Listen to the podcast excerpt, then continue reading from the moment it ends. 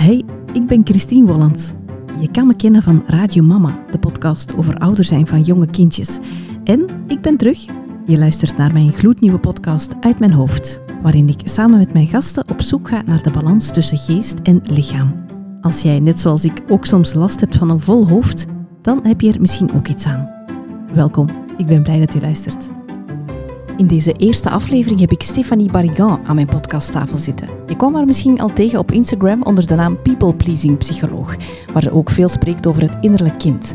Ik vraag me namelijk af of dat volle hoofd van mij daar iets mee te maken heeft. Dag Stefanie, welkom in de podcast. Hallo, hallo, hallo. Je bent eh, klinisch psychologe en psychotherapeut. Ja, dat klopt, inderdaad. Ja, en je bent de allereerste gasten van Uit Mijn Hoofd. Ongelooflijk, wat een eer. ik wil in deze podcast graag een beetje op zoek naar de balans tussen lichaam en geest. Ik ben zelf iemand die zich vooral heel comfortabel voelt in zijn hoofd. Ik denk uh, veel, ik overanalyseer nogal eens veel. En ehm, het echte voelen, ik weet dat dat belangrijk is met mijn verstandelijk brein. Ongetwijfeld. maar uh, om het echt te doen, om dat contact te maken met mijn lichaam, dat vind ik heel moeilijk. Hmm. Jij gaat met jouw cliënten vaak aan de slag met het innerlijk kind. Ja, klopt. En uh, daar wil ik het vandaag graag met jou over hebben. Want als er iemand is die goed in contact staat met zijn lichaam, dan is het wel een jong kind, denk ik. Mm. We zijn allemaal ook kind geweest. En toch hebben wij als volwassenen heel vaak de neiging om heel veel in ons hoofd te zitten. Ja. Dus ik vraag me een beetje af waar dat we dat contact wat verloren zijn. Maar laat ons misschien eerst eens beginnen met dat innerlijk kind. Wie of wat is dat? Mm. Hmm, even denken. Ik denk het innerlijk kind is simpel, op het simpelste uitgedrukt gewoon het kind dat we vroeger waren. Eigenlijk, hè? dat zijn wij gewoon zelf. Mm -hmm. Alle vorige versies van onszelf, alle jongere versies, want die zijn op zich nergens naartoe gegaan. Hè? Mm -hmm. Wij zijn ouder geworden, maar die zitten gewoon nog allemaal aan de binnenkant ergens. Mm -hmm. En wie dat ze toen waren en hoe dat ze toen dachten en hoe dat ze toen reageerden. Maar er zitten dan automatisch ook wel best wel wat um, kwetsbare stukjes Ja. tussen. Mhm. Kwetsbare momenten dat de jongere versies van onszelf hebben meegemaakt. Ja. Die ergens ook wel indruk hebben gemaakt. En dus dat vormt ook ons innerlijk kind. Ja. En dus dat is in ons leven vandaag als volwassenen nog wel aanwezig dan. Ja, dat, dat, dat, zo bekijken we dat graag. Hè. Als we Mhm. spreken vanuit uh, het innerlijk kind, dan kijken we eigenlijk um, via deelpersonen, noemen we dat. Hè. Dus Mhm. dan kijken we naar, we splitsen onszelf zo'n beetje op in verschillende stukken, want we hebben Ja. zo allemaal verschillende stemmen in ons hoofd. Ja. Waaronder um, ook ons innerlijke kind. Hè, en dat stuurt mm, verschillende dingen aan, zowel speelse kanten, maar dus ook wat angstige kanten, hè, die kwetsbare stukjes, die dan wel eens de regie durven, ne durven nemen. ja. En hoe komen die dan in ons volwassen leven naar boven? Ik denk dat je daar dat je twee dingen kunt herkennen. Oftewel komt het echt de, de oerangst op zich naar boven. Mhm. Zo hetgene waar, dat, um, waar dat het kind of een, een, jongere versie van onszelf een schrik van heeft opgedaan, om het zo te zeggen. Ja. Um, en dat is dan ja, echt de angst zelf dat je voelt. Of het is de onderdrukking van die angst. En dan het schieten in een patroon of een beschermingsmechanisme, een overlevingsmechanisme. We kunnen het op verschillende manieren benoemen. Um, maar dan meer de geregisseerde of de gecontroleerde versie. Ja. Die, die die angst onderdrukt eigenlijk. Hè? Om die weg te krijgen. Ja, inderdaad. En gaat het dan over dingen die je hebt meegemaakt als kind?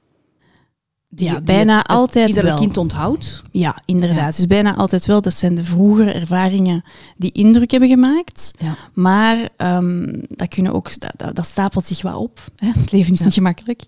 um, en we maken al um, ja, verschillende dingen mee die dan telkens als dat in datzelfde thema past. Dus stel, uw angst is van uh, verlaten te worden. Mhm. Omdat je op jonge leeftijd misschien iemand hebt verloren of een van je ouders was afwisselend afwezig. En, um, en dan later um, heb je een relatie, je bent met iemand samen en plots is dat gedaan. Zo gaat dat met relaties. Um, en uh, stel dat jij niet de partij bent die het heeft uitgemaakt, dan kunnen diezelfde gevoelens eigenlijk terug sterk opgeroepen worden. En dan in de toekomst is het niet alleen uw de ervaring van uw innerlijke kind, hè, van destijds, van uw kindertijd, maar ook nog eens opgestapeld die ervaring met uw ex. Hè, dus daar komen wel nog zo dingetjes bij. Laagjes op. Laagjes op liggen. Ja. En vaak trekt je die ook aan, hè? is dat niet zo? Ja, ja, ja, Ja. dus je bent gevoelig aan bepaalde thema's. Ja. En dan merk je van... Of, ja, aantrekken is altijd zo... Hè, dat is een beetje een dubbel woord. Hè, want Alsof dat je het expres doet. Exact, ja. zo van Ja. alsof dat, dat je schuld is. En dat denk ik niet helemaal dat dat, dat, dat zo werkt. Nee, maar je hoort toch wel vaak dat het, dat het wel vaak voorkomt dat iemand die angstig gehecht is, ja. dan ook valt op iemand die eerder vermijdend gehecht is. Hoe, hoe kan je dat dan verklaren? ja, ja, ja. Dus wat er dan gebeurt... We duiken er meteen in, hè. meteen de diepgang. Wat er dan gebeurt, eigenlijk is dus daar is een ervaring opgedaan in de kindertijd. Ja. Ehm, dus pak nu met een, met een afwezige ouder om een of andere reden, of die is er niet meer, of die, die, heeft, die, is er, die kan er niet constant zijn, of die is heel wisselvallig aanwezig. Ehm, wat dat je als kind probeert te doen, is, dat, is die toch voor u te winnen of zo. Of, hè, je Ja. probeert je best te doen. Kinderen leggen alles, betrekken alles een beetje op zichzelf. Dus die proberen, oh, wat kan ik doen om dat anders te hebben? Als dat niet lukt, want dingen liggen buiten controle van een kind vaak, ehm, dan gaat hij dat onthouden. En dan later, heel veel later, in je volwassen leven, probeerde eigenlijk wat er toen is misgelopen, alsnog recht te zetten. Ja. Dus je probeert, als je dat als een cirkeltje bekijkt, Onbewust gebeurt dat allemaal. onbewust, dat is heel onbewust, dan probeerde die cirkel iedere keer alsnog rond te maken, af te werken. Ja. En ehm, ja, omdat In een die, poging om dat te herstellen of zo? een poging om dat te herstellen, die pijn die wordt onthouden en je denkt van, oh, misschien Een nieuwe kans nu- om dat- een nieuwe kans om dat te doen. Maar wat is dan de zorg? Wat is het probleem daarmee? Is dat ehm, dat wordt gezocht in de herkenning. Dus die omstandigheden van toen, die worden vaak op, onbewust weer al opnieuw opgezocht. Dus Ja. het, het zit hem vooral in, ah, oei, ik kies precies onbereikbare partners. Ja. En het gekke is dan, ja, daar kun je de cirkel extra moeilijk mee afwerken. Ja. Dus daar zit Je maakt hem groter eigenlijk. Je maakt hem groter Ja, en je blijft in cirkeltjes ja. draaien of zoiets. Hè? Ja. Ja, ja. En dat heeft, dan, heeft dat dan ook te maken met dat je eh, dat soort partners zoekt, omdat, je, omdat die, her, omdat die ehm, eh, herkenbaar voelen of zo? ja, ze noemen dat Ja. vertrouwde pijn. Hm. Mhm. Vertrouwde pijn, eh, dat klinkt gek, maar dat voelt vertrouwd en daardoor is onze pijngrens daar redelijk ehm, ja, hoog voor. We kunnen daar best wel goed tegen. Ja. Ehm, en ja, daar zit dat stukje dat, dat, dat het goed wil maken. Van, ga je mij nu wel zien? Ga ik nu wel goed genoeg zijn? Ja. Ga je nu wel blijven? Ehm, dat is zo wat dat patroon dat dan wakker wordt daarin. ja, en dat is heel erg het extern gaan zoeken Ja, naar die, naar die dingen. Ja. ja, ja. Mhm. Ja, wat het inderdaad lastig maakt, want je kunt niet controleren hoe iemand anders eh, of hoe een bepaalde situatie uitdraait. Hè? Dus het is. Nee, inderdaad, daar heb je geen controle over. En die persoon heeft dan weer zijn eigen patronen. Ja, Hè? Dan gaan die twee patronen interageren met elkaar. En dan wordt het best wel complex ook. Hè? ja, Ehm, eh, dat hoeft niet altijd zo complex te blijven. Het gaat erover van hoe kun je dat herkennen bij jezelf? Kun je dat herkennen bij je partner? Kunnen jullie daar met twee naar kijken? Als het nu gaat over een romantische relatie, ja. is gewoon de eerste stap, en misschien kan deze podcast daarbij helpen, ehm, om, ehm, om dat te herkennen. Ja. Om te zien van, ah tja, dat is precies weer al datzelfde dat ik doe of dat ik zeg. ja. Want dit was nu maar één voorbeeld. Er zijn nog heel veel andere manieren waarop dat, dat innerlijk kind kan komen kloppen aan de Mm. deur, om het zo maar te zeggen. Mhm. Ehm, zijn er zo nog heel vaak voorkomende ja, stukjes van, van innerlijke kinderen die zo komen aandacht vragen? Want dat Ja. is het eigenlijk. Ja, ja, absoluut. Ehm, dus gevoelig voor vooral twee dingen. Hè? Die verlating waar dat we het net over hadden Ja. en afwijzing. Hmm, Dat zijn zo de twee kernthema's, ja. zullen we zeggen, waar dat heel veel verschillende dingen kunnen ondervallen. Ja. Maar daar is uw innerlijke kind extra gevoelig voor. Ehm, en dan reageert dat wel. Oftewel met overspoeling, hè, waar we het helemaal in het begin over hadden, van de emotie neemt over of de angst neemt over.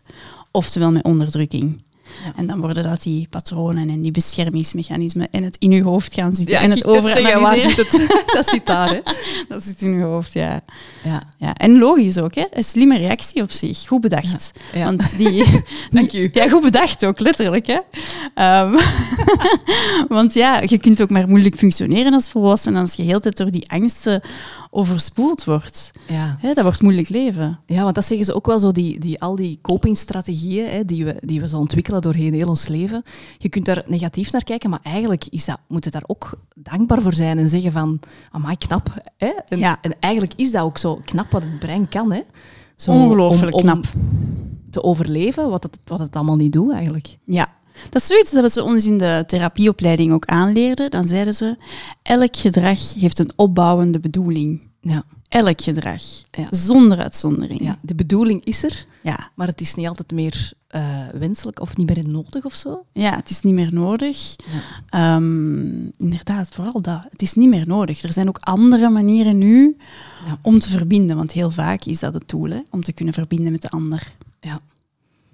Ik denk nu ook zo, misschien is het ook wel eh, nuttig om het voorbeeld te geven eh, van een ruzie of zo. Pff, Dat hoeft niet per se, want partners komen vaak aan bod Mm. als het over dat thema gaat. Misschien Mm. omdat dat dicht bij die hechtingsrelatie van, van de ouders komt of zo. Is dat de reden waarom dat er vaak in partnerrelaties zo dat innerlijk kind komt kijken? Ja, ja, dat is die imprinting van uw allereerste vertrouwde relatie. De relatie Ja. met uw zorggevers, hè, of uw Ja. ouders.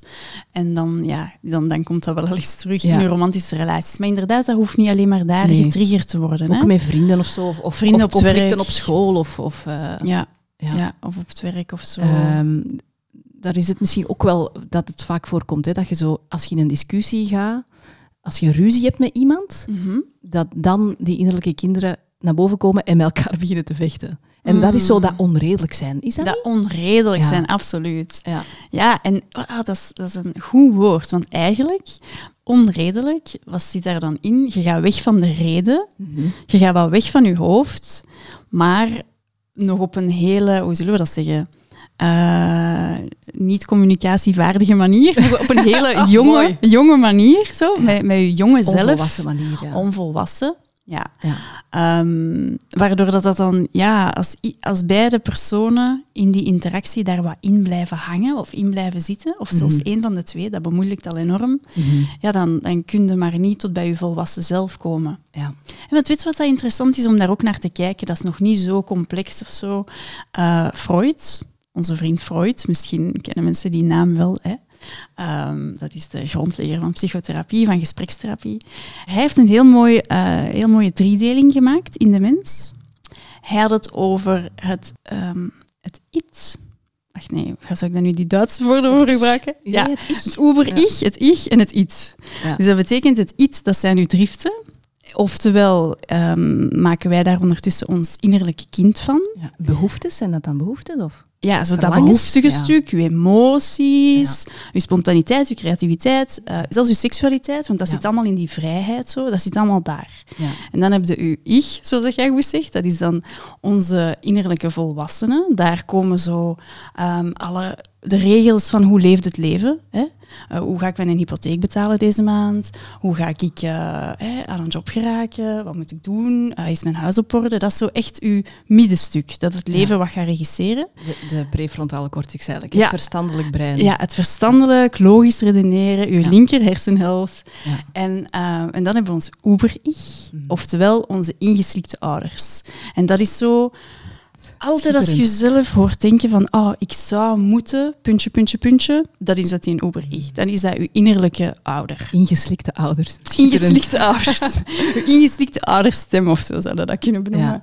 En niet Eh, alleen dat, maar is dat ook niet zo eh, wat de verwachtingen van omgeving en maatschappij en zo? Is dat, Ja, dat absoluut. in? Dus het zijn eigenlijk, je hebt je innerlijke eh, je normen eigenlijk. Hè? Dat Ja. je inslikt, niet alleen van je ouders, maar ook van je eh, maatschappelijke normen en zo. omgeving, ja. Omgeving, ja. Dus voilà die driedeling, hè, om, om even van zijn eh, bewoording weg te gaan, noemen wij dan innerlijke kind, innerlijke volwassene en innerlijke ouder.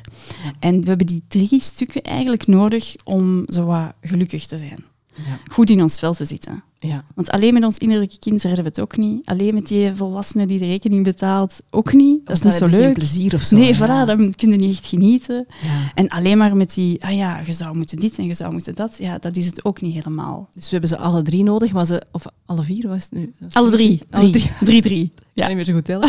Eh, maar ze botsen waarschijnlijk ook vaak met elkaar. Absoluut, Ja. ja. Die innerlijke ouder die heeft zoiets van, ja, wat is dat kind allemaal aan het uitspoken? Dat Ja. mag die allemaal niet doen. Dat mag niet, dat hoort niet. Dat is heel erg zijn Schaamte. taal. Ja, schaamte, Mm. schuld. En daar is dat innerlijke kind heel gevoelig voor. Ja, en dat, dat brengt mij misschien ook wel zo'n beetje bij. ehm, dus dat innerlijk kind, dat, dat staat vooral voor het gekwetste stuk zo, maar ook voor het plezier. Ja, Dat we vaak toch als volwassenen wat kwijt zijn of zo, of waar dat we wat minder goed aandurven, Mhm. uit schrik voor oordelen. Als schrik voor oordelen, voor die afwijzing, voor die... Ja. Ja, absoluut. Ehm hmm, daar juist vroegen mij zo van, ja, is er ehm, een, een prinses of een, of een Disney-prinses? Want wij hadden het in onze vorige aflevering, hè, Ja, over sprookjes. eh, over sprookjes en over hoe dat die zich dan gedragen. En om het zo wat concreter te maken. Ik moest zo denken aan, ik moest denken aan twee prinsessen. Ik dacht aan eh, die van de kikker en de... Hoe noemt die weer al? Of De nee, nee, Nee, nee, de, prinses of de kikker en de prins. de, nee. de prinses en de kikker. En, of anders ook Elsa. Wacht, Frozen, daar gaan we al meer... Die kent eh, die, iedereen. die kent iedereen. Die kent iedereen. Zij zit ook heel erg in haar hoofd in het begin van de film. Hè? Ze is heel veel aan het denken van, oh, dit hoort zo. Hè? Heel, heel erg die is ingeslikte ouderstem. Ja. Dat is de blonde, dat is, Ja. dat is Elsa, dat is de, dat is de queen. Hè? Ja, maar die andere is wel, wel wat speelser, hè? Die speelster, dus je ziet hoe dat ze dat heel mooi in polariteit zetten. En die andere is ook eigenlijk, dat speelster, dat gaat dan zo'n stukje te ver, want die was roekeloos ook. Ja. Maar de zus is te voorzichtig. Ja. Dus dat is echt zo die ingeslikte ouder. eh, van ja, dat hoort zo en dat hoort zo. En het zijn ook letterlijk zo de regeltjes van haar ouders, die er niet meer zijn, eh, die dat zij probeert te volgen in haar hoofd. Van ze moet eigenlijk haar toverkrachten of haar krachten moet ze verbergen om een goede koningin te zijn. Ja. En, eh, en de zus is zo'n losbol. Hè, die, die, die overslaapt zich en die heeft zoiets van kom, we moeten ons amuseren, we moeten naar buiten, we moeten de zon, Ja. we moeten dit, we En moeten dat. zingen en dansen. Ja. En, en die begrijpt dat ook niet. Hè? Zo van, alleen, waarom zit jij nu opgesloten? Ja, wat zit jij nu heel tijd? En, die zit, en Elsa zit heel erg in haar hoofd. En, ehm, hoe noemt dat nou Eh, Anna. Anna, Anna die zit heel erg in haar lijf eigenlijk. Die zit heel erg in haar, waar heb ik zin in? In Ja. dat onderste bolletje, in dat onderste stukje. Een echt kind eigenlijk. Hè? Een echt kind, Ja. die moet nog een beetje volwassen worden. En Ja. Elsa moet een beetje chillen. ja.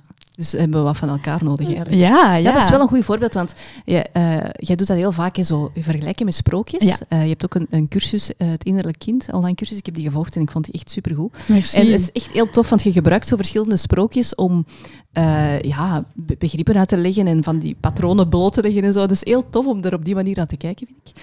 Ehm, en inderdaad, zo die Elsa, die eindigt dan ook in zo'n kasteel, helemaal op haar eentje. Mhm. Gewoon zodat ze niemand zou eh, te last zijn. Hè? ja. En ja. dan zitten we ook zo weer heel erg in dat, in dat people pleasen. Ehm, ja, net zoals het heel vaak in je hoofd zit en, en, en alles over, overdenken en analyseren en zo. Dat hoort een beetje bij dat pleasen ook, denk ik. Hè? Of dat, dat Ja. pleasen is ook een, een coping, hè? toch? Dat is absoluut ook een beschermingsmechanisme. Hè? Ja. En wat dat je haar ziet doen in die film is, ze heeft eigenlijk een te groot verantwoordelijkheidsgevoel. Oké, ik snap het wel. Hè? Dus je bent koningin van een, eh, van een koninkrijk. Ehm, je voelt je verantwoordelijk voor dingen. Maar ze gaat daar en een stukje toch ook haar, haar, haar zusje bijna doodgedaan of zoiets. Met, met zo'n Ja, grote ijsberg te toveren en die was daar dan afgevallen. Of Ja, wel, maar dus toen, dat is denk ik, dat is goed dat je dat zegt, want eigenlijk in die scène zie je nog dat, het, ze alle twee aan het spelen zijn. Alle twee vrij, met die toverkracht vrij, maar daar loopt iets mis. Ja. Dus we zitten daar bij haar innerlijke kindkwetsuur, haar eerste grote kwetsuur. Ja, de, oorzaak, de oorsprong eigenlijk. Ja. En het is wat jij zegt, dat heeft zij opgeslagen. Hè? Want ik had bijna mijn zusje eh, iets heel erg aangedaan. En Ja. dat heeft zij opgeslagen, dat zit in haar systeem, dat is die imprinting, dat is haar oerangst. Mhm. En daardoor heeft zij dat beschermingsmechanisme van en vanaf nu controle. Ja. Controle over je krachten, controle over hoe dat je overkomt, controle over eh, wat er mag en wat er niet mag. Maar ze schiet daarin door. Ja.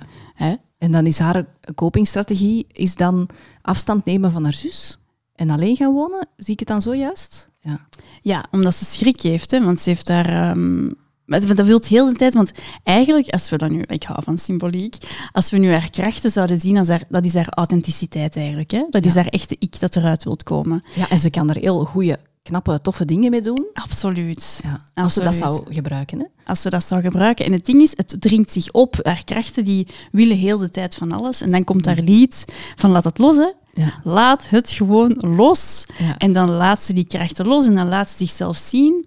En ze probeert dat alleen te doen. Maar soms is dat nodig. Weet je, als we zoiets willen begrijpen in het leven en we willen even groeien en we zijn aan het nadenken over thema's en over dingen, dan moeten we ons soms even terugtrekken. Dat is niet zo slecht om dat alleen te doen. Om even na te denken en alles te laten zakken en bezinken en voelen wat klopt er voor mij. Ja. Maar wat is wel de bedoeling van het leven, is dat we nadien terug contact maken met de buitenwereld. Hè? Mhm. Terug verbinden met de ander. Dus we kunnen ons even terugtrekken en dan kunnen we terug verbinden. ja. En dat, dat, dat, daar twijfelt zij over. Dat weet ze niet zo goed. Ze denkt dat ze gevaarlijk is voor de ander. Ja. En dat is denk ik wel, misschien dan wel uitvergroten of op een andere manier, wat extreem uitgebeeld, zoals dat gaat in die sprookjes. hè. Eh, maar wel zo een symboliek voor inderdaad hoeveel mensen dat er zich inhouden. Hè? Hmm. Eh, want jij spreekt nu over ehm, hè, dus die oerangst. Ja. Zijn er nog tussenstapjes of zo? Dus er gebeurt iets in uw kindertijd Ja. dat uw brein dan opslaagt, opslaagt. En wat volgt daar dan uit? Een bepaalde emotie. Mhm. Dus eerst is er de oergebeurte, de kerngebeurtenis noemen we dat. Ja. De kernwonde. En dan is er de kernangst. Dus die angst, dat is eigenlijk al stap twee. Ja. Bijvoorbeeld, stel ehm, dat je als kind eh, heel erg luid waart en heel eh, vaak vrolijk en heel vaak zingen en toneelspelen. En ehm, dat dat eigenlijk door leerkrachten en door ouders en door omgeving vaak zo'n beetje werd ingesnoerd of zo, omdat het te luid was of, of te lastig of te storend eh, in de les of te, te lastig voor, u, voor uw moeder die dat, ver- dat, dat geluid niet zo goed kon verdragen of zo. Ehm, en dat je dat dan als volwassene gaat inslikken, omdat je schrik hebt dat het eh, te veel is. Dat je te veel bent. Ja. Het kindje gaat dan eigenlijk beseffen van, oh, ja, een hele bekende gedachte die dat wij allemaal kennen is, ik ben niet goed genoeg zoals Hmm. ik ben. En dat gaat zichzelf wat censureren, gaat stukjes van zichzelf verbergen, gaat stukjes van zichzelf vergeten. Vergeten, hè? eigenheid vergeten. En daar komen we later terug bij. Maar daar weten we gewoon even niet meer, dat dat zo stukjes waren van ons. En dan ehm, komen de, wat dat ze noemen, ik, ik wil denken aan, wie heeft dat gezegd, dat woord, want dat is zo'n goed woord, dan komen er kindconclusies. Ja. Ik denk Lisette Schuitenmaker. Ik denk Lisette Schuitenmaker, ja. Dus die heeft het woord gecoind, kindconclusies, en dat vind ik zo'n goed woord, omdat dus het kind trekt dan de conclusie, ik ben niet goed genoeg, en zeker niet als ik eh, zo mijn felle kant, mijn spontane kant, mijn luide kant, ik ben te veel. Dat hoor ik heel vaak in therapie, van ik ben te veel.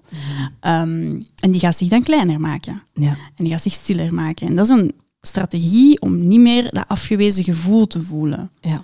Ehm, en dan heb je een hele set triggers, waarbij elke afwijzing eigenlijk ja, gaat dat terug oproepen. Ja. En dan komt er een strategie, dus die kernstrategie van of je gaat pleasen, van je gaat het iemand naar zijn zin maken, zodat hij zeker niet boos wordt ehm, of u afwijst, of je gaat je terugtrekken, of ehm, alle soorten gedragmiddelen worden ingezet om jezelf te beschermen. Ja, en dan wordt het echt een patroon dat eigenlijk heel je leven overneemt. Ja, ja, altijd gevoed door die kindconclusies van Ja. ik ben niet goed genoeg, ik ben te veel.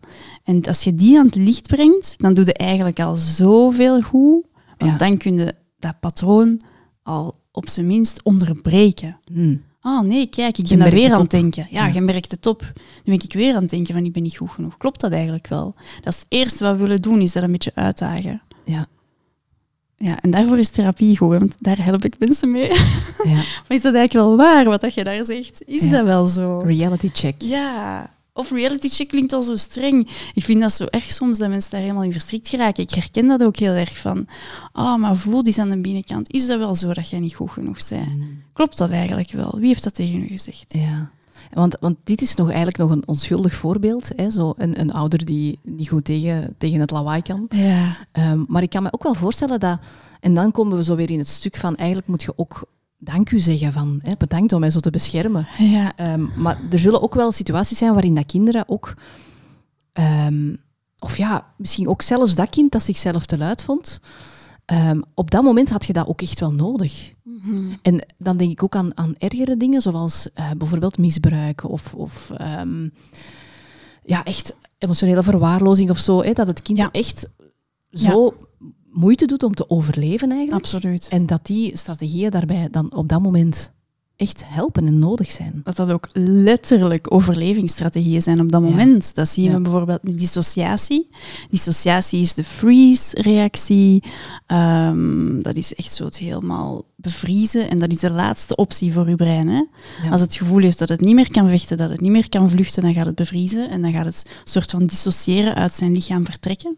Ehm, en dat is handig. Dat, dat helpt u op dat moment. ja. Absoluut Dus even uitzonen zo echt. Ja, Dat je ook zo, als je zo in het midden van een conversatie zit en je, en je panikeert of zo, ja. dat je ook een stuk van dat gesprek niet meer hebt, mee hebt. Of zo. niet meer mee hebt. En we Ja. kennen dat allemaal voor een stukje wel. Bijvoorbeeld dat je soms zo in de auto aan het rijden bent en dat je plots bij de winkel toekomt en dat je eigenlijk niet meer weet hoe dat je daar geraakt bent. Allee, dat klinkt Ja. nu heel erg, maar mensen kennen dat wel. Dat is een soort van automatisch gedrag ehm, dat, dat ja, best oké is, want je hebt eh, autorijden gewoon onder de knie, hè, bij wijze van spreken.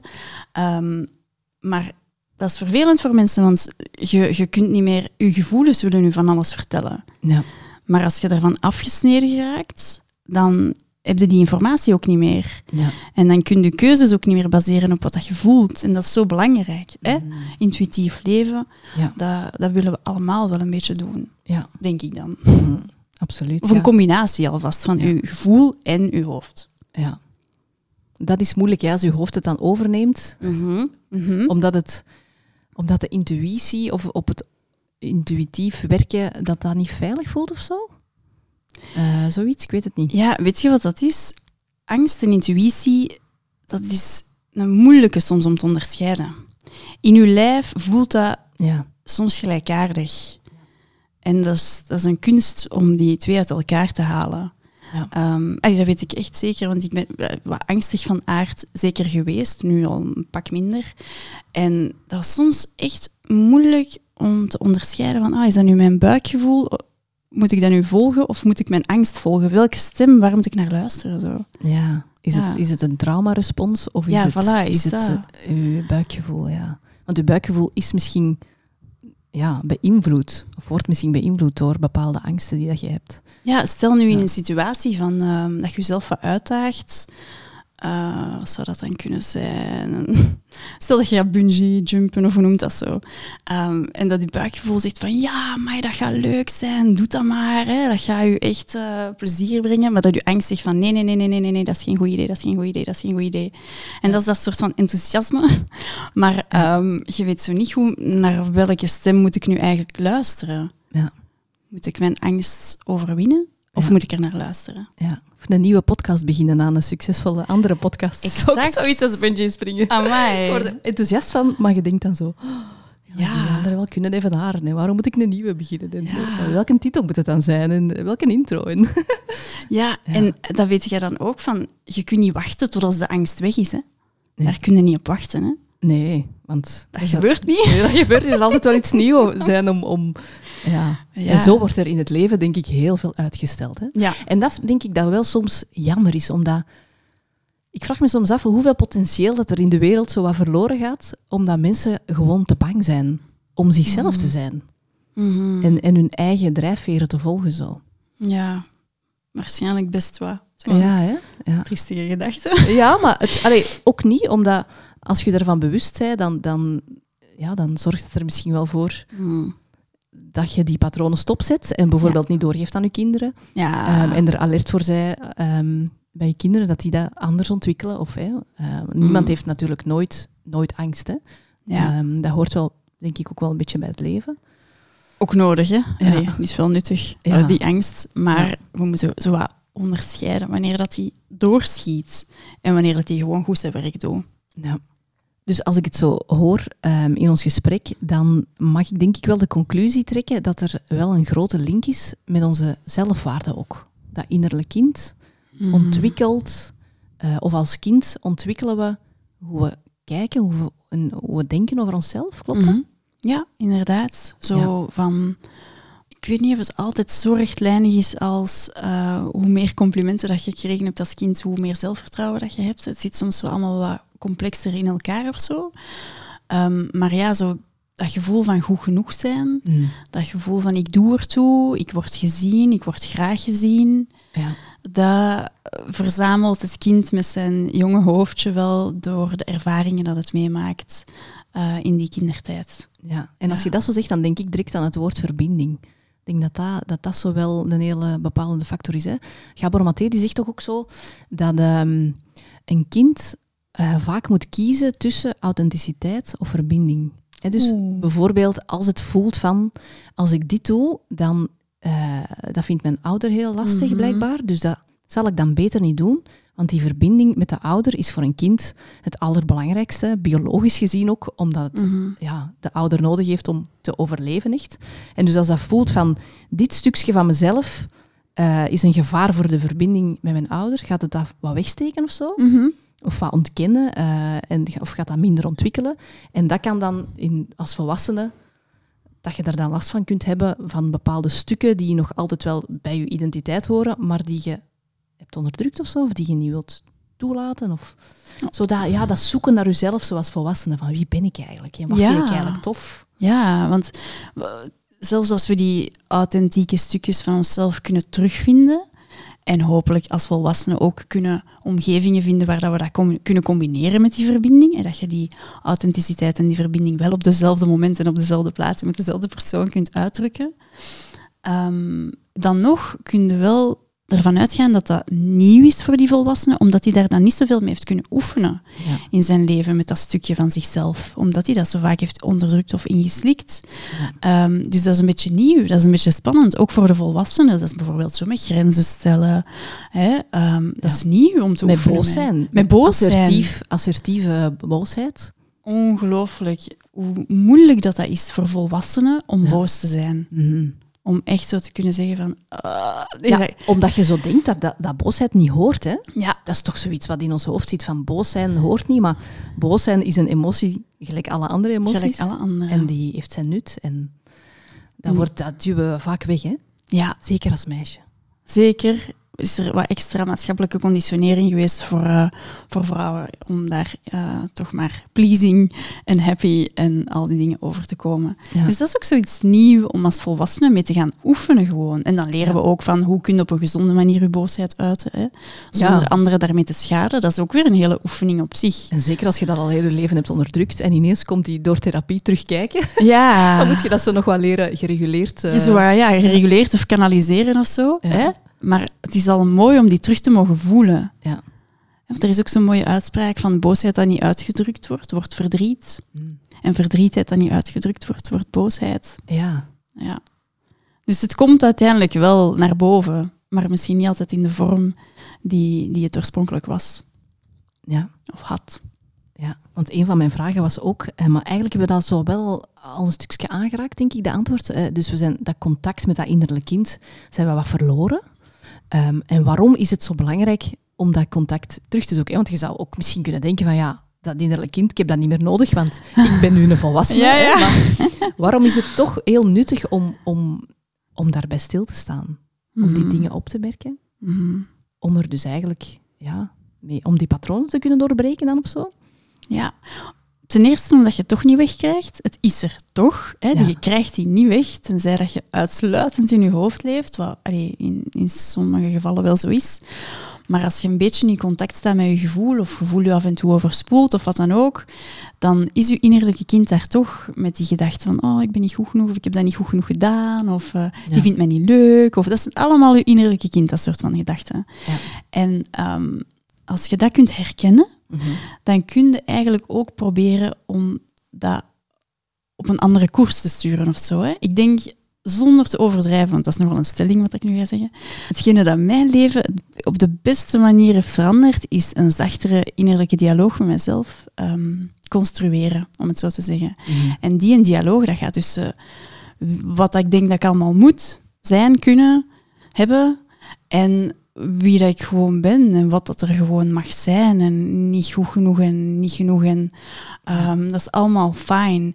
En dat tegen mijzelf kunnen zeggen op momenten dat ik onzeker ben, dat is life-changing. Ja. Werkelijk. Ik weet niet of dat jij daar zoiets van kunt herkennen, zo de dialoog met jezelf en hoe dat je die kunt verzachten. En, Is het dan dat je bijvoorbeeld opmerkt van, ah, in deze situatie raak ik getriggerd, omdat ik mij bijvoorbeeld eh, niet goed genoeg voel. Ja. Eh, en dat je dan tegen jezelf zegt van, je bent wel goed genoeg. Is Ja. dat wat je bedoelt? Ja, ja, je bent wel goed genoeg. Of, eh, of ik heb dat niet goed genoeg gedaan. Ah ja, dan moet, je kunt niet altijd zeggen, maar ik heb dat wel goed gedaan. Of je hebt dat wel... Ja, want soms is het ook zo. soms dat je loopt het goed ook gedaan. gewoon Ja, mis. En, ehm, en dan ook tegen jezelf kunnen zeggen van, maar hey, dat gebeurt. En, en dat is oké. ja. En uw waarde is daardoor niet gezakt. Uw waarde is altijd intact. Ja. Die kan niet zakken. En zo dat, die gewoonte hebben om uzelf te troosten, om uzelf te kalmeren, gerust te stellen, om uzelf te kalmeren, om uzelf ehm, te onschuldigen. Want heel vaak horen we ook in ons hoofd, oh, dat is mijn schuld. Oei, ik had dat niet moeten doen. Oei, ik had dat niet moeten zeggen. Ja. Dat is weer al dat innerlijke kind, want dat voelt zich zo schuldig, heel de Ja. tijd. Je zegt van, oh, maar dat is eigenlijk uw schuld niet. Of zeker niet van u alleen. Er zijn nog mensen die daarmee naar hadden kunnen kijken, mogen kijken. Wat dan ook, hè, situatiegebonden. Ja. Maar dat je eigenlijk oefent met, hoe kan ik een zachte innerlijke ouder zijn voor mijn innerlijke kind aan de binnenkant. Ja, dat je eigenlijk een ouder bent voor jezelf. Een ouder zijn voor jezelf. Dat klinkt een beetje schizofreen ook wel. Ja, dat zijn die verschillende deelpersonen waar we het in het begin Ja. over hadden. Hè. Ja. Nu zitten we bij dat bovenste stukje, hè, uw innerlijke ouder. Maar niet de strenge stem, Ja. maar de zachte, voedende stem.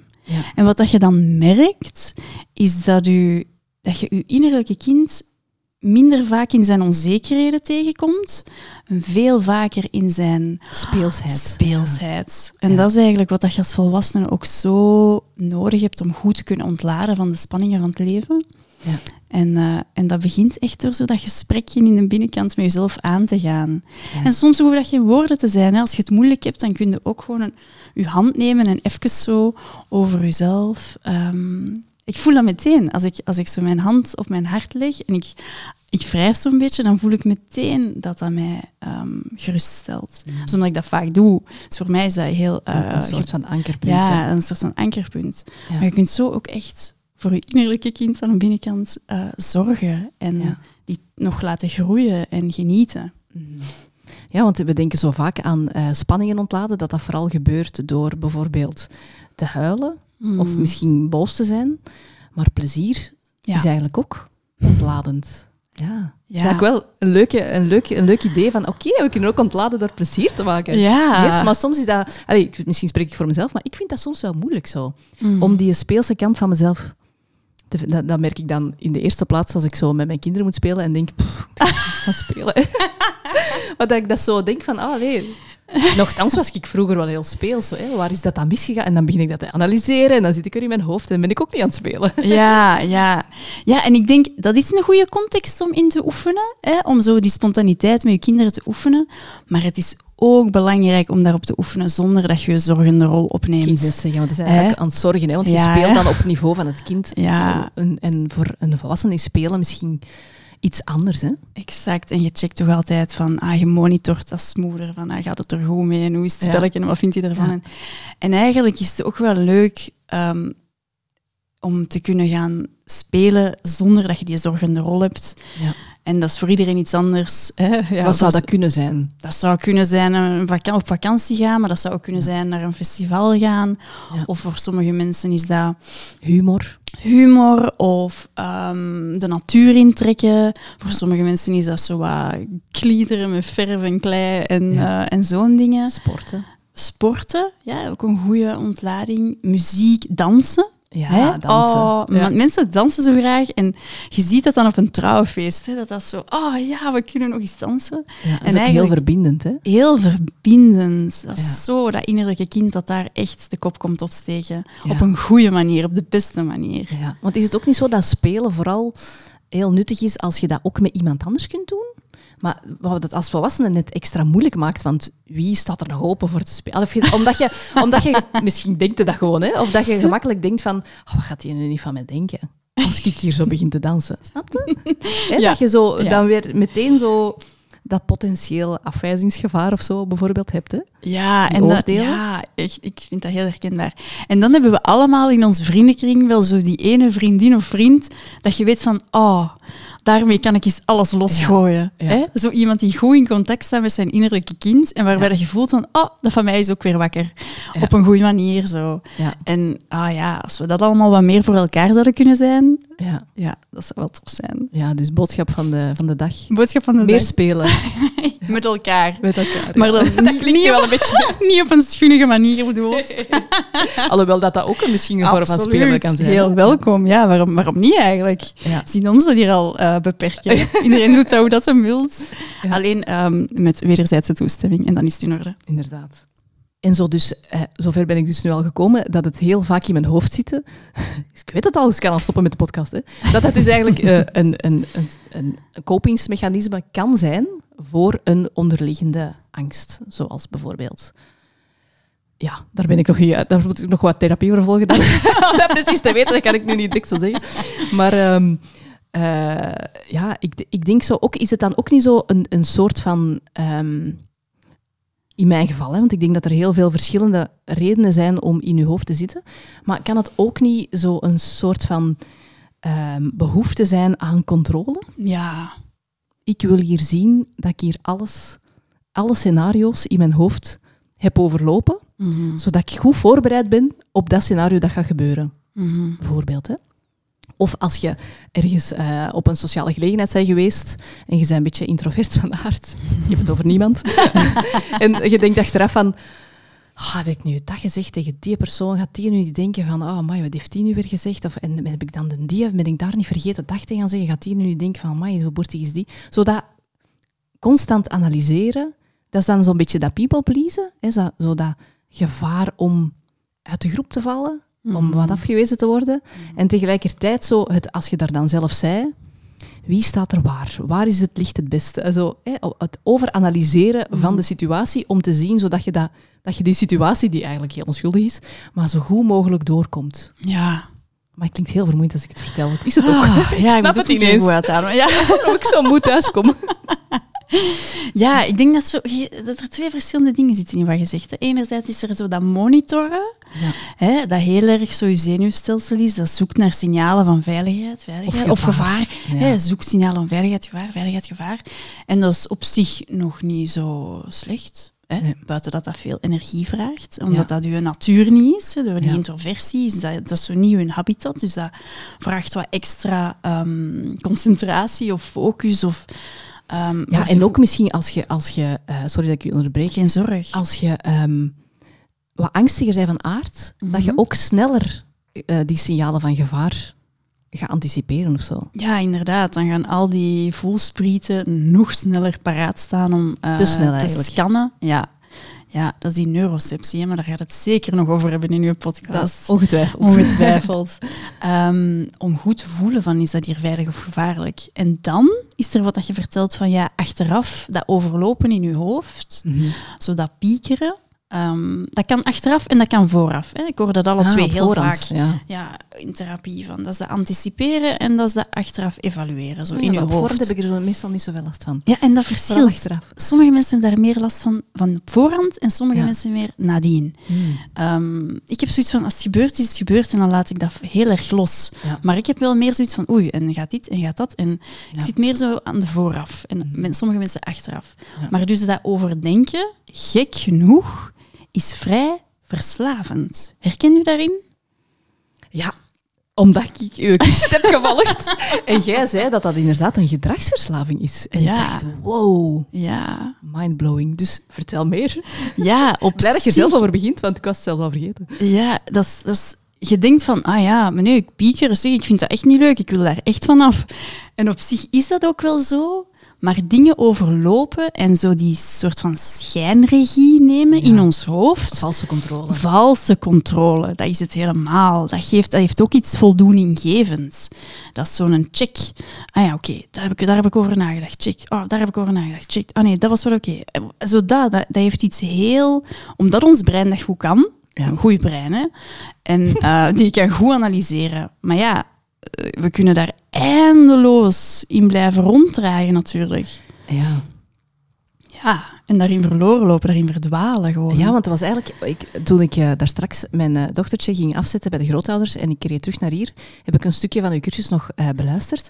En toen waart je net aan het vertellen dat, bepaalde over bepaalde verslavingen en dat die een dopamine-shot dat je zo krijgt als je bijvoorbeeld, als, een, als een alcoholverslaving is, dat je alcohol drinkt, mm -hmm. hè, dat, dat, dat je brein even ver, die opluchting voelt. Ja. Van, oké, okay. zo het stoppen met zoeken naar... Maar met het gegeven van in je hoofd zitten en over analyseren, ja, dat stopt niet. Want er is altijd wel iets nieuw dat kan geanalyseerd worden. Exact. En dat, ja, dat is wel vermoeiend. Ja, maar een alcoholverslaafde zal je ook zeggen dat dat niet stopt. Ja, dat is Die heeft nadien terugzien. Ja. Of ja, met dat overanalyseren, het is altijd iets onverzadigbaar. Hmm. En daaraan herkende een patroon ook. Dat is ja. goed voor mensen om te onthouden. Als je merkt van, ik had dat bijvoorbeeld met boeken kopen in het begin van mijn um, therapeutische carrière. Uh, had ik zoiets van, oh nee, het gaat daarover. Ik ga daar een boek over kopen. Iedere keer dat boek kwam toe en ik dacht, oef, ik weet er iets over. Maar je weet er niks over, want je hebt dat boek niet gelezen. Oh my god, dat zo herkenbaar. Echt gewoon zo het stelpen van die angst. Gewoon het verminderen van die angst. Maar dat is een... Er is iets wat ik nog niet weet. Er is iets wat ik nog niet weet. Help. Je moet er krap een oplossing voor ja, vinden. Ja, want hoe meer dat je weet over dingen, hoe meer dat je beseft wat je allemaal nog niet weet. Ja, ja dus dat, dat, blijft eindeloos. Dat is, ja, dat blijft altijd maar groter worden, inderdaad, eindeloos. Eindeloos. Ja. En dat is vooral, en daaraan kunnen mensen dat dan herkennen, van is dat een patroon of niet, dat is van korte duur. Mm -hmm. Dat boek komt toe, ik denk van oef, ik blader daar een keer in, yes. Ik lees daar één hoofdstuk in, even, tof. Ja. Ja. En dan nadien is die angst daar weer, hè. Dat verzadigt niet echt. Mm.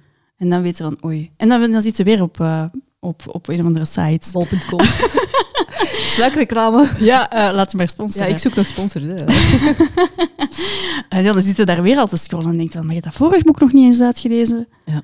Mm, patroon. Ja, boeiend. Maar hoe raak je daar dan in godsnaam uit? Ja, dus... Hè, met dat denken. Ja. Maar nu, misschien eerst wil ik misschien eerst nog even zo... Um, ik moet lachen omdat ik weer een patroon zie bij mezelf, maar ik ga het weer even besparen. misschien ook wel even zo... Um, is het een onderscheid maken of zo? Of uh, ja, is het ook niet um, dat sommige breinen, ook elk brein is anders, iedereen is anders, maar ik denk nu ook bijvoorbeeld aan neurodiversiteit. Hè? Bepaalde mensen, um, bepaalde breinen, ik zeg als we een brein zo een stukjes op zich, dat die ook gewoon wat meer associaties maken en wat vaker denken en dat sommige mensen ook wel echt een behoefte hebben, een soort van ja, um, nieuwsgierigheid, wat eigenlijk iets goed is. Dus dat het niet per se een, een coping is, hè, of iets dat we, mm -hmm. waar we vanaf moeten, maar dat het ook wel iets kan zijn ja, dat ons gewoon uh, definieert. Dat we zo bedraad het, zijn eigenlijk. Ja, voilà, van, dat, ja. dat we gewoon behoefte hebben aan, aan kennis en dat ons dat vervult en dat we nieuwsgierig zijn en... Uh, ik denk dat ik wou dat zo even aanraken. Ja, ja, dat snap ik wel. Want zo niet elk ding moet weg of anders. Of, um, ja. Soms is dat ja, gewoon een beetje uw, uw eigenheid, uw natuur, hoe dat uw zenuwstelsel bedraad is. Ja. En dan moeten we vooral een manier vinden hoe daarmee om te gaan in de wereld zoals die nu draait. Hè.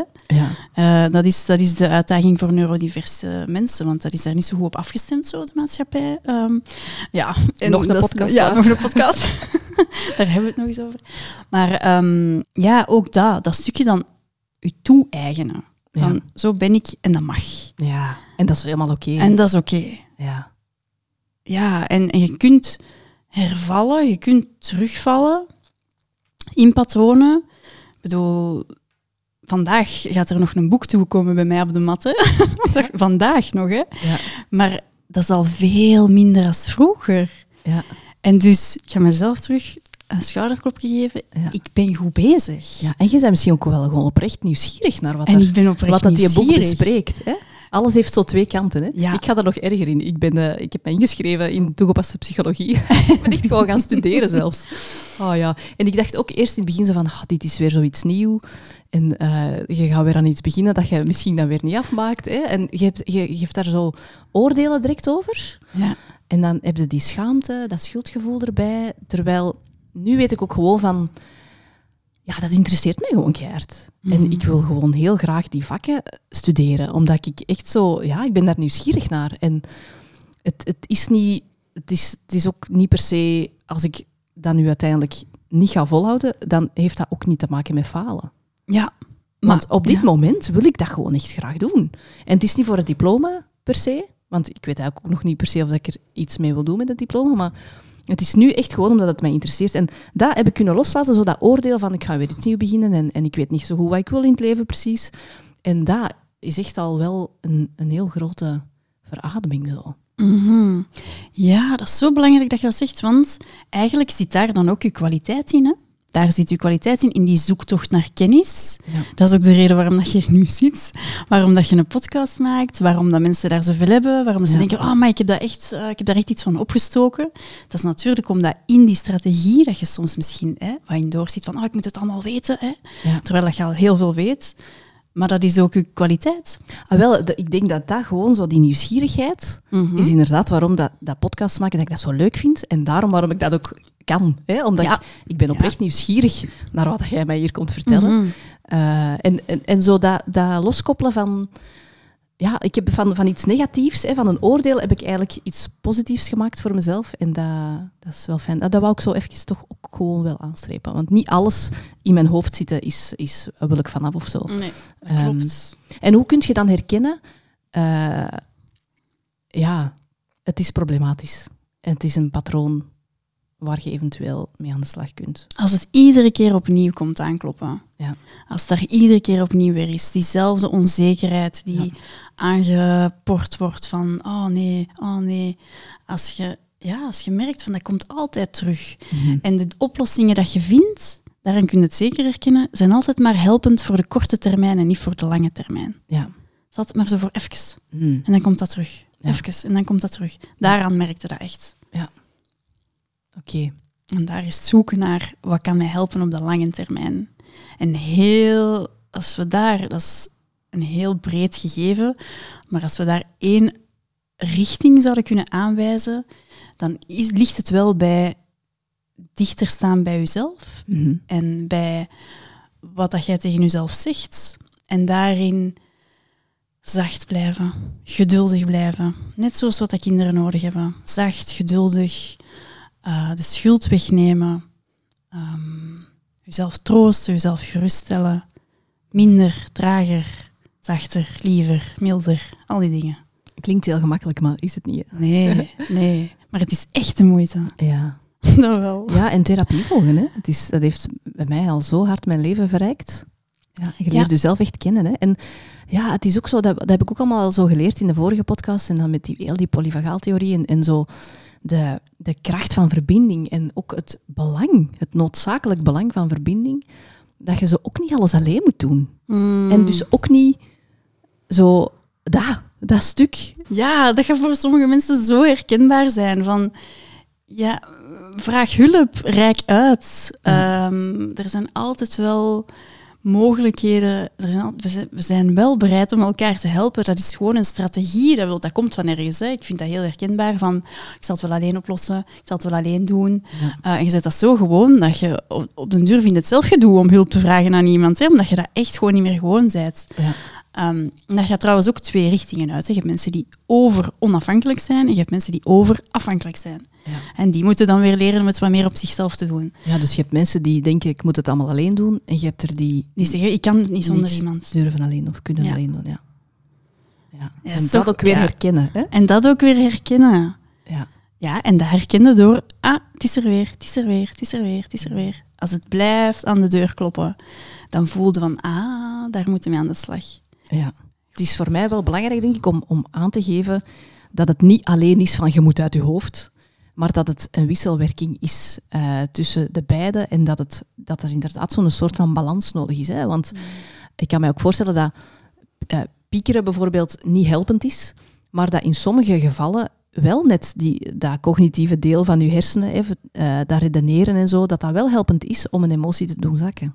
Als je veel voelt, daar hadden we het daarnet over, dan gaat het erover van, oké, met welke gedachten kun je jezelf geruststellen? Ja. En als je te veel denkt, een beetje waar dat we het nu over hebben, van dat piekeren, dan is de kernvraag van, oké, maar wat voelde nu eigenlijk? Ja. Dat zijn zo twee, twee richtingen. Ja. De ene heeft nood aan wat geruststellende gedachten, Ja. en de andere heeft nood aan te voelen wat daaronder zit. Ja. Maar als je dat, ja, dat is een oefening. Het is een wisselwerking. Ja, dat is iets Mm. wat ik ook zeker wel wou aanraken zo. Omdat, ehm, de titel is nu uit mijn hoofd, omdat ik de neiging heb om heel vaak in mijn hoofd te Mm. zitten. Maar dat is niet voor iedereen zo. En eh, als je zo denkt aan de polyvagaaltheorie, daar zeggen ze toch ook dat 80% ehm, gaat naar boven en 20% naar omlaag of zoiets. Ik denk dat wat dat je bedoelt is zo dat stukje waarbij dat ze zeggen van 80% van de informatie komt vanuit je lijf, vanuit Ja. je zintuigen, Ja. vanuit je zenuwstelsel. En 20%, maar 20% komt vanuit wat dat je brein zegt. Wat dat je en denkt. Wat dat je Ja. denkt. En dat overschatten we eigenlijk. Hè? We, denken van ah, alles komt uit mijn hoofd, daar is te doen. En eigenlijk is er superveel informatie die zich wilt laten kennen door dat lijf. Ja, dat vanaf van je lichaam eigenlijk naar je hersenen gaat. Ja. Rationaliseren is soms nodig. Gewoon iets neutraal maken. Heel feitelijk maken. Maar wat is, zo- wat is er nu feitelijk Ja, gebeurd? zoals het observeren bijvoorbeeld van dat patroon, Ja. is dan ook eigenlijk je Mhm. denkend brein dat... Gewoon observeren. Wat is er nu eigenlijk aan het gebeuren? Dat is echt zo je middengebied weer. Dat is die innerlijke volwassene. Ja. Van die gewoon even zo checkt van wat, wat, wat is er nu eigenlijk gebeurd? Blijf bij de feiten. Hè? Want bij dat piekeren, dan gaat hij combineren met emoties. Hè? Het is niet dat Ja. er geen emoties zijn bij piekeren. Hè? Daar zit net veel angst. Maar dat gaat veel te veel interpreteren. Ja, en je gaat die emotie versterken. En dat gaat die emotie kalmeren. versterken, inderdaad. En Ja. dat is heel de tijd al ingevuld, Ja. terwijl dat je dingen, die dingen niet zeker weet. En daardoor is het helpend om bij die feiten te blijven, te blijven voor sommigen. Ja. Heb je misschien nog een laatste advies voor de luisteraar en voor mij? Ja, eens nadenken. Hè. Ik denk als het gaat over je innerlijke kind, ehm, wat dat je jezelf wilt afvragen is... De eerste vraag is dan, oké, wat heeft wat heb ik als kind gemist? Wat is de gemiste ervaring van uw innerlijke kind? Wat had het nodig dat het misschien niet altijd heeft kunnen ontvangen? Dat is de eerste vraag. Ja. En dan de tweede vraag is, en hoe kan ik dat nu aan mezelf geven?